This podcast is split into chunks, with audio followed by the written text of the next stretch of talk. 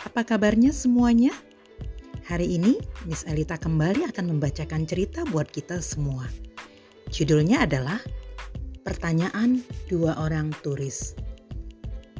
Pada suatu pagi yang cerah, ada seorang penganggur yang sedang duduk-duduk di tepi jalan di antara dua kota.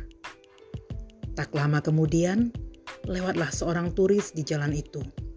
Wajahnya tampak kusut ketika melintas di hadapan sang penganggur, berhentilah sang turis dan bertanya kepadanya. Pak, numpang tanya, orang-orang macam apa yang tinggal di kota di depan itu?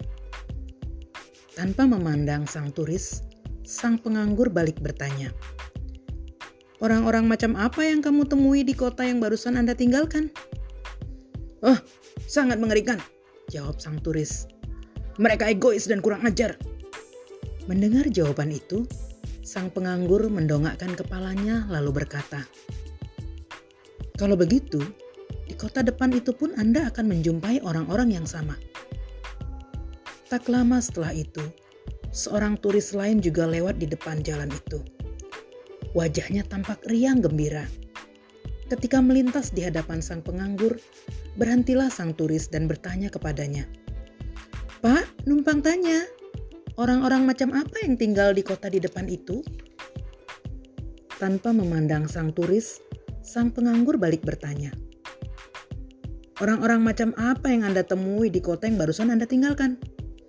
Oh, menyenangkan sekali, jawab sang turis. Mereka amat baik dan bersahabat. Sang penganggur mendongakkan kepalanya dan sambil tersenyum, ia berkata kepada sang turis, "Kalau begitu, di kota depan itu pun Anda akan menjumpai orang-orang yang sama. Turis itu membalas senyuman si penganggur, lalu berjalan menuju ke kota di depannya dengan gembira.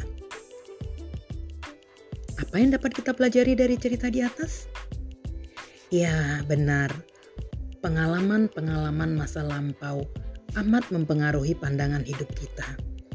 Oleh karena itu, pandai-pandailah mengolahnya agar pengalaman-pengalaman itu tetap memberikan cerita hidup yang baik bagi kita sepanjang jalan.